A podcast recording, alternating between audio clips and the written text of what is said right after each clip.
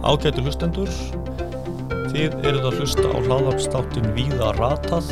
Ég heiti Sveit Margersson og hjá mér er Odni Anna Björnsdóttir. Þú velkomin Odni. Takk fyrir. Nú veit ég að þú ert nýttekin við sem framkvæmdastjóri samtaka smáframleganda matvæla. Við kannski ræðum það betur síðar en í dag langum við til að kynnast Odni Önnu aðeins betur. Hver er Odni Anna?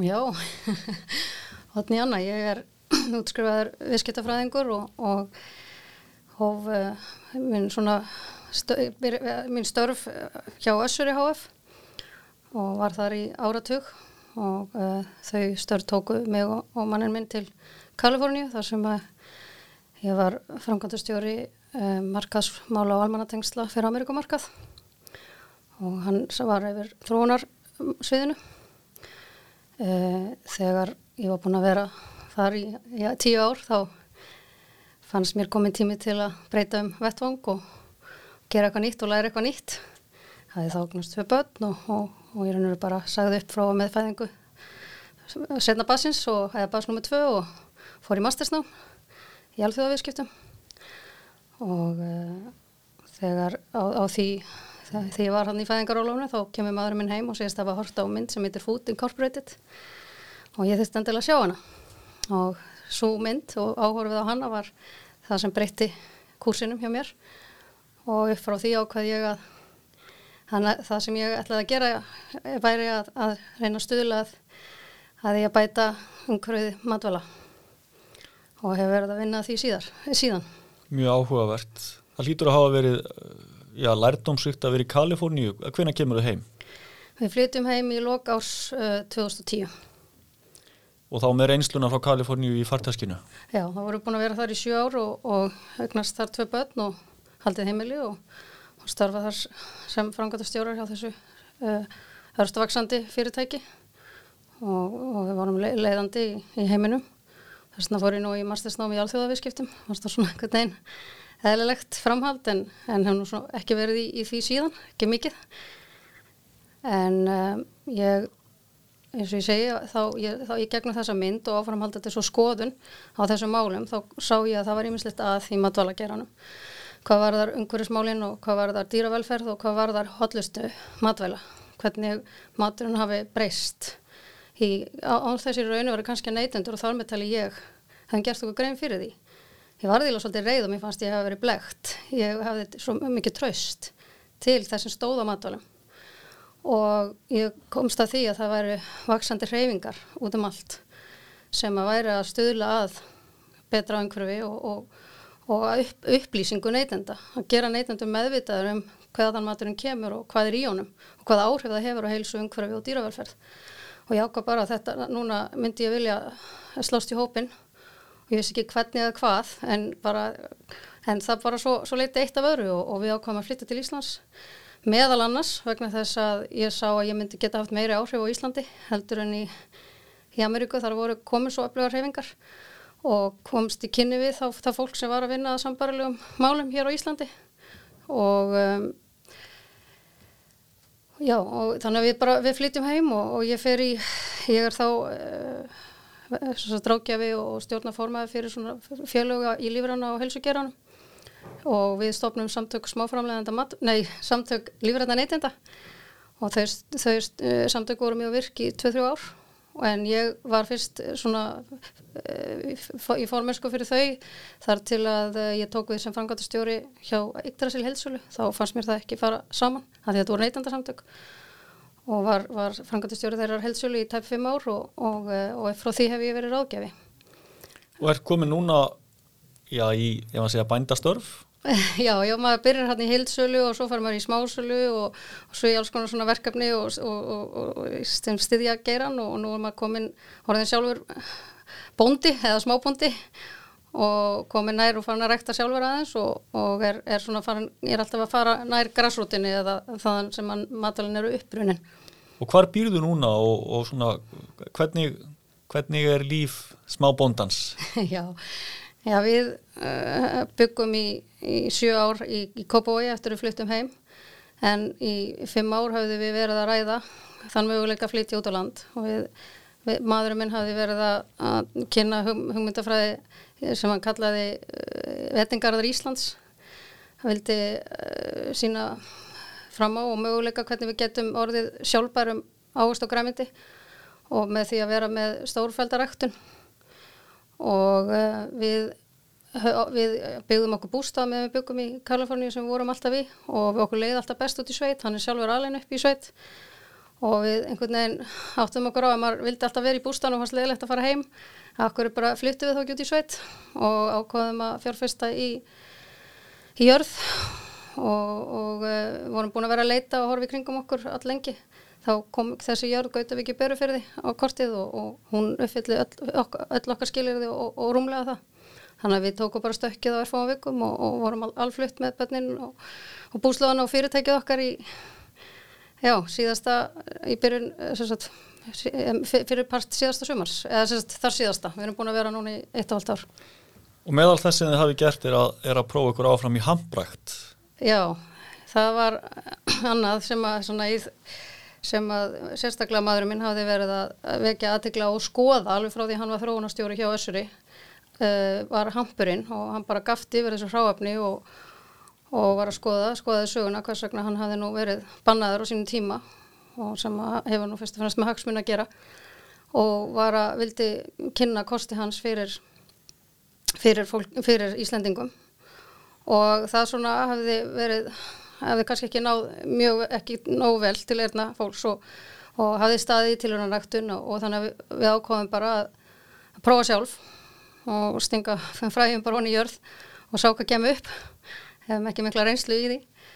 Og, eh, og nota það svona sem sínidæmi og megin markmiðið var að, að sína fram á nota gildi hansins og, og kosti hans og hvað hann getur gert til að auka sjálfbarni verulega, að þetta er umhverju sannast að planta í heimi og fjölhæfasta, það er þetta nota hann búið til annars hvað sem er úr henni og okkur Íslandinga hefur alltaf vanta ráöfni í yðinað og þannig er komin leið og þetta er landslæðið okkar kaldara og annað slikt en við hefum miklu ódýrara landsvæði og við heldur enn í Evrópu og, og líka undir þakki þannig orkun okkar og allt það. Og vex sampur á Íslandi? Já, hann gerir það en eins og ég segið núna næstu skref fyrir e, bændur og þá sem vilja er, er tilraunaræktin.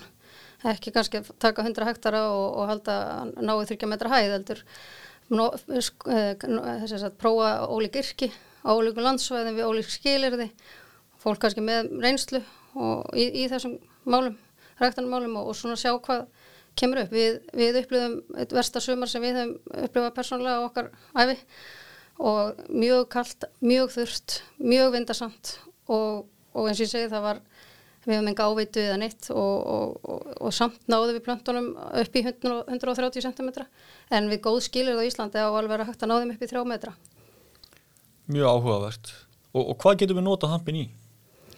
Já, það er í raun og raun nánast hvað sem er. Eh, það er þetta að nýta alla plöntu hlutana, stilkin, rótina, blöðin og blómin og það er fyrst og fremst stilkurinn, eh, trefjarnar utan á honum og, og, og kjötið innan úr sem er notaður í innaða framlýslu.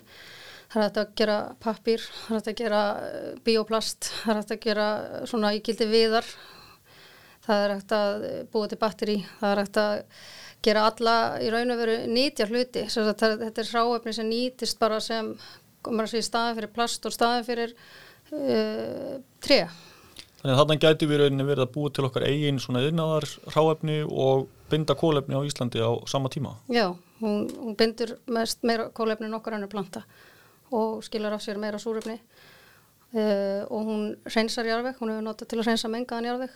Hún þarf, hefur ekki þurft synga til uh, eiturefni sem er alltaf gríðarlega stórt þegar berða saman við bómull og uh, hún er virðist vaksa við mjög ólíkar aðstæður. Og þetta er planta sem hefur verið sama ofinn mannkyninu frá öru og við alda, það er bara alveg sama hvað langt við lítum aftur. Það eru allstað merkjum nýtingu þessara plöntu. Og hún verður svona hafa verið helsta, helsta nýttjáðurstinn og líka til matvala gerðar því fræin eru nýtt í bara til að borða fræ og, og svo oljur og prótín og kveiti og, og annað slikt og síðan eru, hafi verið blóminn og laufinn notið til livjagerðar og fæðibótrefna og svona sem helsu, helsubót. Og nú eflaust margir sem kannast við það að, að hvað maður segja, kerfið uh, hefur kannski ekki brúðist bara vel við þessum tilhjónum ykkar Þú segja okkur aðeins að því, hver er staðan? Já, já, staðan er nú þannig að ég trú ekki öðru en að bara á næstu vikum eða mánuðum verði búið að leysa úr þessu sem að verðist nú reynur er bara byggt á, á tólkun, röngri tólkun lagana Eh, þegar við fórum út í þetta, eða árið 2013 þegar uh, maðurinn minn tók þátt í tilhjónaræktin þá var, feng, var leifi með þess að frá Lífjastofnunum að þetta væri leifilegt að rækta þennan hamp vegna sem hann væri ekki á hann og fíknefni því að einaðar hampur er afbreyðað kannabisplöntunni og, uh, og þegar, að, þegar ég var hjá Yggdrasil og við vorum að flytja inn hamp matvæli að þá var það stöðvaðin tíma vegna þess að það væri kannabis. En svo var ákveðið að leifa það vegna þess að þetta er ekki, hefur engin ávana eða fikni áhrif. Þannig að maðurinn minn ringir í mast og, og spyr má ég rækta innanramp og, og, og þau svarir já, alveg eins og það er búið að vera leifilegt að rækta innanramp innan Evrópasambandsins mjög með skýrum hætti í lög, lögjöf frá því árið 2000 og hann spurði hvað þetta gera og þá var bara að fylla út ákveðina pappira og fá bottorð og innflutning sáðuru og það var allt saman gert og og síðan þegar, og þá fengum við svo kallega MST-númer frá MAST og svo þegar fræðin kom í tollin þá, þá síndum við þessi vottorð og, og númer og það kom inn og við settum þetta niður og sögum frá þessari tilrönn á Facebook og fjölmiðla fengum fljóðlega áhuga og fengum mikla fjölmiðlum fyllin um þetta. Og síðan þegar sex mánuðin síðar eftir við stingunniði fyrstu fræðanum að þá banka upp hjá okkur þrjú lögurglumenn og segja að e, það hefði komið borist bref frá Lífjastofnun þar sem að lögurglanir byggðunum að kanna hvort ræktun ólöglegra planta í sér stað í bænum Gautavík í Börufyrði og uh, ég var nokkið heima þegar þetta gerðist, þetta voru óskap indalir löglumenn sem að þetta göftur svolítið þegar þeir sáu að all tilskilin leifi voru til staðar og það var var bara sínt þetta eins og öðrum sem hefur komið heimsók til að kynna sér þessa ræktun, hvort sem það voru þingmenn eða fjölmilar eða annað áhuga fólk og, uh, og við svo, hefum svo síðan hef ég svona bara verið að Íta á þetta í kerfinu og funda með ráðurum og öðrum varðandi það að, að þetta svona, að þetta veri klára, þessi mískilningur veri klárað fljótt og vel því að þetta byggir á því að í, eins og ég er búin að komað á þér að í lögum áhana fíknefni er orðið kannabis notað og í mínum huga er eina sem þarf við lögskýring sem segir að orðið kannabis uh, það þýði plöntur af, sem innihaldi meir en snefulmagna vímugjafanum THC og uh, annað er bara innar vara og, og, og þá þarf lífjastofnun ekki að hafa áhugir af því að þeir sé að leipa einhver ólulegin í landið en það ef, ef kemur að jafnræði að þá eru þetta verða þegar verða flytjinn fullt af heldur allavega hampfurum og hampfræðin út í uh, verslunum sem kaupir út í bónus eða krónun eða hvar að, að það eru sömu fræði og koma plöntunum sem við rektum og síðan er þetta að kaupa fjölda nýtja hluta úr hampi född og já ég talaði ekki um textilin á þann og, og annað þannig að hampurinn er allstað í kringum okkur. Við áttum nú hampiðina sem gefti hamp frá Rúsland á sínum tíma og reypi og segl og, allt þetta var gert úr hampi. Bönd og annað, bakaböndin og hvað annað. En nú ert þú hérna frumkvöðul í rauninni að, að tala um lögskýringar og komin út í ákveðna lögfræði og, og farin að berjast í þessum málum. Dregur það ekkert úr kraftinum svona í frumkvöðla vinnunni að þurfa að standa í þessu? Auðvitað er þetta ótækt, auðvitað er þetta ekki góð stjórnsýsla eða meðalhof eða annan slikt. Ég, við fórum í þetta, við gerðum okkur alveg grein fyrir það gætu komið einhverju svona uh, nögrar í ferlinu og við ákváðum að reyðja veginn. Ég meina þegar voru liðinir allir þessi mánuði þá er svo já, já, ok, það er greinilega ekkert að fara að gerast. Og allir svo jákar, ég var búin að fundi byrja á það var búin að byggja mig um að koma og halda erindum hampin og tækifærin og allir svo jákar alveg sama við hvað maður talar. Þannig að þetta var svona svolítið eins og þrjum ár heiðskýri lofti. En, en þetta, ég reyni alltaf að vera jákað og, og, alveg sama hvað gerist. Það hugsa jákað, það bara hjálpar framhaldin og, og þessi heimsók svona kannski kom hampinum virkilega á kortið aftur og, og svona kom ákveðin þrýstingur í að bara að gera eitthvað í málunum því að þetta er að því að eftir við fórum að tala um þetta. Þá stoppaði allar símin, tölvupústurinn message, eh, skilabóði gegnum Facebook og annað og þú veist það er rosalega margir hringin í kringum landi sem hafa áhuga á að fara út í þetta og eru búin að það eru, voru fullt af hömpurum eins og við köllum í kringum landi sem vissu af þessu en þetta er svona alltaf verið eitthvað þú veist þetta kannski núna hefur þetta er þetta verða bara mainstream og, og, og það er bara alveg sama við hvernig ég tala, hvaða stopnun, hvaða skó, háskóla eða hva, hvernig sem ég tala við. Það finnst öllum þetta svo áhugavert. Og en það sem er, það sem er kannski blóðugast í þessu er ekki að við fengum einhverja lögurgleinsum, heldur það að að nú er fólk tilbúið, fólk vill panta fræ og nú er bara allir stopp. Og þú veist, og það, að, þú veist okkur vantar ég meina við viljum að, að það sé nýsköpun í þjóðfélagin og við nýtum og, veist, og við stöndum ekki aftar heldur en aðra þjóður og bændur og framleiðendur, ég meina það er líka framleiðslu fyrirtæki sem að hafa huga á að vinna úr hampinum hluti. Og núna stöðvist þetta á einhverju, svona, einhverju sem er svo fáránlegt. Að það eru þetta mest frústrirandi að við skulum vera svona þjóðfélag eða, þú veist, þó að það algjörðilega margt gott hérna en, en að það skuli að, að svona þessi litlu frungkvælar í landbúniði séu svona verða að fara eftir þeim svona harkala eins og bara í örslótarhúsamálinu eins og varðandi nýtingu sjálfböðli eða í lifrætni í ræktun og annað slíkt að, að við séum ekki meira, meira með að þetta skuli gerast það er, það gera mann svolítið ásáttan. En sko, ef þú fengir nú að ráða uh, nýsköpun í dreifðum byggðum, þetta eru þetta dæmi um það Já. hvers konar umhverju væri á Íslandi til þess að íta undir nýsköpunni dreifðum byggðum. Hvað þurfum við að gera? Já, það er stórti spurt. þetta, getur verið eitt lengi. En það er svona þessi stuðningur og kvartning, það er svona það fyrsta. Klapp á aukslina. Já, og svona já, flott og, og sniðut og, og, og mér finnst það að vera myndast og ég kemur sveitafélagi að það sem virkilega sá andi er. Mikið af frumkvölum, sveitafélagi er mjög svona stendur við bakið á þeim eða, og svona kvetur þá og jákvæðin í samfélaginu, þú veist að, að nærsamfélagi kaupi af, af þeim sem er með frumkvöla og síni því áhuga og stuðning. Það maður hefur svona aðeins heyrst svona í fortíðinni, hafið svona kannski þessi sem voru að ríða vaðið fyrir einhverjum árum síðan í því hvað ég að kalla tíu árum eða hvernig, hvernig sem er að svona kannski stundum hafa verið litnir hotnöga en það er breyta svo hratt og nýsköpin í sveitum er alltaf bara að springa og að, að ferðast um landi í dag en alltaf gjör ólíti fyrir bara svo fáum árum. Og getur smakkað svo marg, alls konar mat og séð svo mikið skemmtilegt og þegar þú ferðast á landi hvort sem þú erst Íslandingur eða, eða, eða ferðamaður. Og síðan er náttúrulega um, verðaglugerða umhverfið að það sé ekki óþarfa hömlur. E, matalögin byggir á því fyrst og fremst að tryggja öryggi matvæla og þá við meðum ekki missa sjónur af því að setja ekki of íþingjandi reglur. Þannig að, að, sem, að það verður alltaf að vera raunveruleg ástæði fyrir því að fólki eru sett á skorður.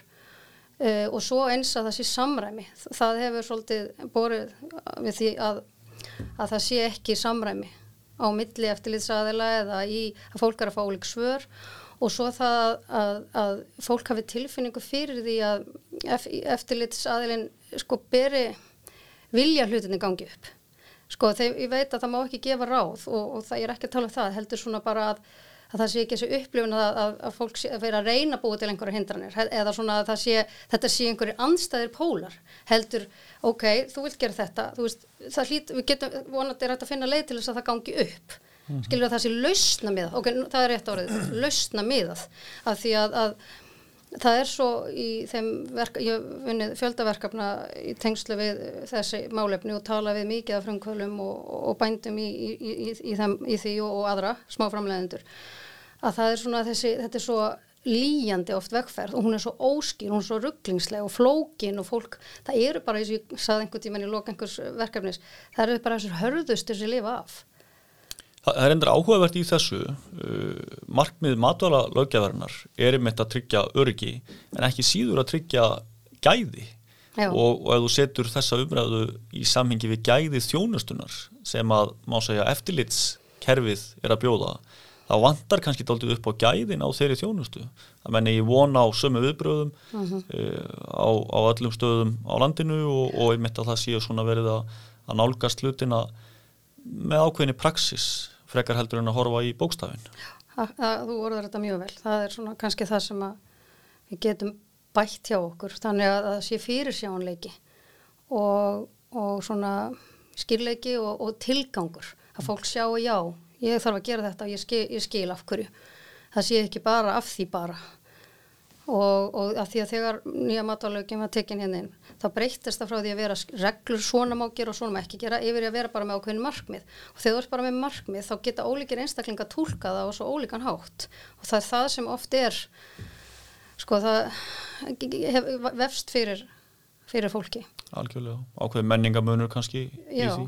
En talandu menningamun og breyting á, á menningu, nú er neysluminstur, það er svona tilfinningin alltaf sem maður fær, neysluminstur er að breytast.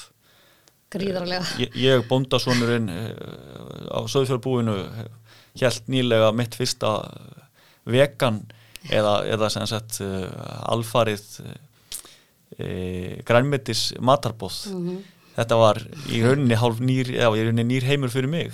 Hvernig sérðu þetta Já. fara næstu árin? Það var náttúrulega gríðarlegar breytingar á neysluminstri og frambóðu um leið og, og, og þegar framleiðendur eh, einstaklingar ákveða að fara út í framleyslu matanum þá eru þetta mikilvægt að þess að hverjum það ætlar að þjóna því að það er breyst frá því að vera svona svolítið við Íslendingar svona með svipanisluminstur í, í alla þessa ólíku hópa og fólk er svo miklu meðvitaði mataræði og er á ólíkum tegundum mataræðis eða blandar þeim saman meðvita sem er þá kallað flexitarian.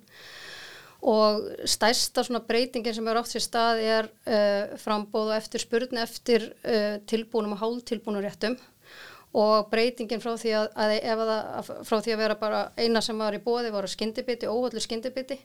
Yfir í að fólk vil tilbúða hóltilbúð en það að vera hólt og bræðgott og vöxtur þessara rétta er, er gríðarlegur og tekur hratt af svona ó, e, sagt, já, ó, ó, ó unnum matvælum en þegar ég segi óunnum þá er líka önnur breyting að það er úr un, unninni vöru og þá er ég ekki að tala um tilbúinir réttir skilur það sem bara sett saman ráöfni eins og þú eldar fyrir kvöldmatinn heldur úr mikið unnum vörum yfir í fersk, ferskmeti og á, á naukaöfna og, og sem minnst unnið, fólk er átt þessu á því að, að, að það er svona hotlast að borða mat sem er eins líkur og hann getur verið eða eins mikið frá náttúrunar hendi og mögulegt er.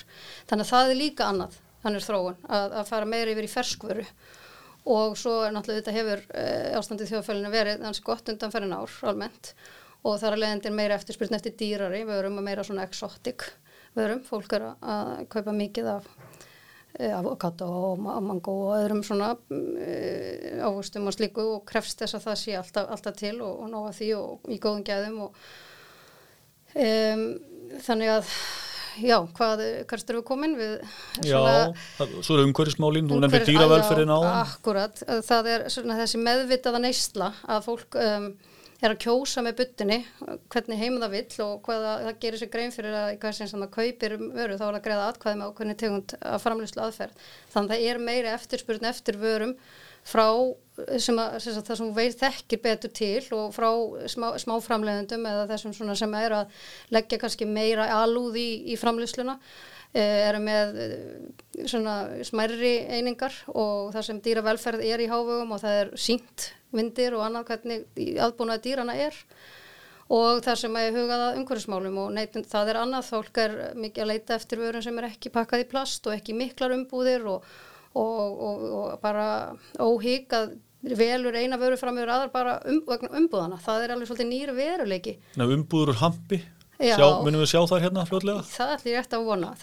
Lamp, Lampakjötu Gautavík, pakkað í hamp á Gautavík. sko, Hamplast og, og, og að, að það, já allt þetta, allt, allt, allt þetta samspil hotlustu umhverfstengingin dýravelferðin og svo þetta þekkja að vita meira hvaða maturinn kemur og líka bara fólk er svona finnst meira, finnst spennandi að fá eitthvað svona sem það fær ekki endal út í búð eitthvað öðruvísi, eitthvað sérstakt. Og ég man alltaf þegar ég bjóð í bandaríkjunum og verslaði mikið í verslu sem heitir Trader Joe's þá var alltaf ákveðin hilla sem var, var bara svona einhverjar vörur hérðan og þaðan á heiminu sem að þeirra starfsfólk hafi ferðast um og það var bara í stuttan tím og það var eitthvað svona alveg sérstakt. Svo ef það virkilega slóði gegn þá kannski var það tekið inn í vöruval. En annars og svo kom alltaf nýtt og nýtt og það er ofta sem er hræðsla uh, starri uh, maturverslana er að geta ekki tryggt öryggi að það sé alltaf til að því að neytendur eru mjög kröfuharður og vilja að það er vanur að kaupa eitthvað þá verður það alltaf að vera til. En það er þá möguleiki að það sé bara svona sumt sem er, fólk veit bara stundum förðuð og stundum ekki. Og það er svona eins og marðandi ástíðabunna sveiblur og annað. Við, þurf, við Íslandingar erum svolítið svona þar með tala ég, að vilja fá, geta uh, nálgast allt, alltaf, alltaf áraðum kring, ferskujarðabær, flóið frá Kaliforníu eða hva, hvað sem er, en borðum ekki mikið ástíðabundið mm -hmm. og margir útlendingar sem koma hér eru bara að reyka upp stóru augu að sjá veitingarstöðum Aspas, einhvern tíman alveg langt fyrir utan Aspas mm -hmm. sísonið og, og svo framvegis. Einhvern tíman hef ég, hef ég séð uh, svona rannsóknir í þá veru að, að Kalifornia sé stæsti vassúrfitandi í heimi í formi vats í ávakstum og, og Já, sem og það er ekkit vatn og allt vatn til Kaliforni kemur frá ríkjánum í kring. Nákvæmlega. Þannig að þetta er, það, já, það er margt þarna. Ef þú horfir bara stutt, ef við, ef við svona endum þar, uh, nýsköpun í matalaframlegslu á Íslandi, í þessu samhengi, hvert mun hún fara á næstu svona tveimur til fimm árum? Já, ég held að við erum smá saman að gera okkur betur grein fyrir matarkistunni sem Ísland er og öllum þeim vanýttur hráafnum sem við eigum og hvað Ísland hefur, að, að við erum ekki að nýta svona fyrst og fremst ákveðnar tegundir af því sem að landið getur gefið af sér. Það sem ég vonast til þess að líka að landbúnaðinu þróist í þá átt að hver og einn bóndi líti bara á hvaða landgæði hef ég, hvað er í staðsettur á landinu, hvað hef ég áhuga á, hvað vilja neytendur og hvað er þá hefplast fyrir mig að rekta og að landbúnaði kerfi sem svolítið skapaði kringum það að fólk sjáu tækifæri og sjáu og nýti þeirra kosti, kosti sem er í kringum þá til þess að skapa og búa til þau matvæli sem henda en ekki að fólk festist í viðum kerfi sem segir já ég þarf að framlega þetta vegna annars fæ ég ekki stuðning og, svo framvegis. Og að ég, mín óskar að við verðum sem sjálfbarust um að og, og tryggja bæði fæðu öryggi og, og hérna sem er náttúrulega annaði matvalöryggi og við séum bara, það er bara þróun allstar, þetta er ekki, þetta er bara hér að kaupa meira úr nærsamfélaginu, við erum ekki að kaupa vörur sem eru fluttar þess, þess og kruss geta nálgast svona stóran hluta þennan daglígu nesluvara beint úr nærumkvörunu, hvort sem það kjöt eða fiskur eða þetta svona helsta grammiti, þá erum við komin hansi langt að við erum ekki að kaupa þegar við býjum á Ísturlandi fyrst sem er fluttur þverst yfir landið, geta nálgast og, og ég segi nú alltaf fekk svona pínu sjokk þegar ég kom í sjávarplás og við fjölskyldan á ferð okkar í landið og maður að fá okkur spyrklandi ferska fisk og eina sem var til í, í versluninni var frósin fiskur fluttur sem var, rækta, nei, sem var vettur við, við Kanada og pakkað í Kína og síðan flutt til Íslands og svo allarlega norður. Það bara sagði mér það þarf eitthvað að breytast. Við getum ekki og þetta er ekki gott fyrir neitt og, og það hefur þá með gæðin líka að gera og, og, og styðja við byggðirnar. Þannig að við, það stundur skortir hjá okkur uh, að, að, að átt okkur á ef við viljum verslinu heimabygg þá verðum við að verslar ekki skjótist í bæin og kaupa en vilja samt sem áður hafa alltaf þjónust í kringum okkur. Og það er eitt sem við hefum svolítið reyndið að leggja okkur fram með, við fáum það fyrir austan. Hvort sem það er klipping eða, eða, eða eitthvað annað að reyna að, að beina þjónustinni þangað sko því að án viðskiptavina er náttúrulega þrýfstengin engin þjónusta á verslun. Mjög áhugavert. Við látum þetta gott heita í byli ég fæ ábyggilega að tala við þig síðar og þá kannski meira um, um samtök smáframleganda matvæla sem að þú ert í fórsvari fyrir. En ég segi bara takk fyrir kjalla í dag. Takk sem ég leis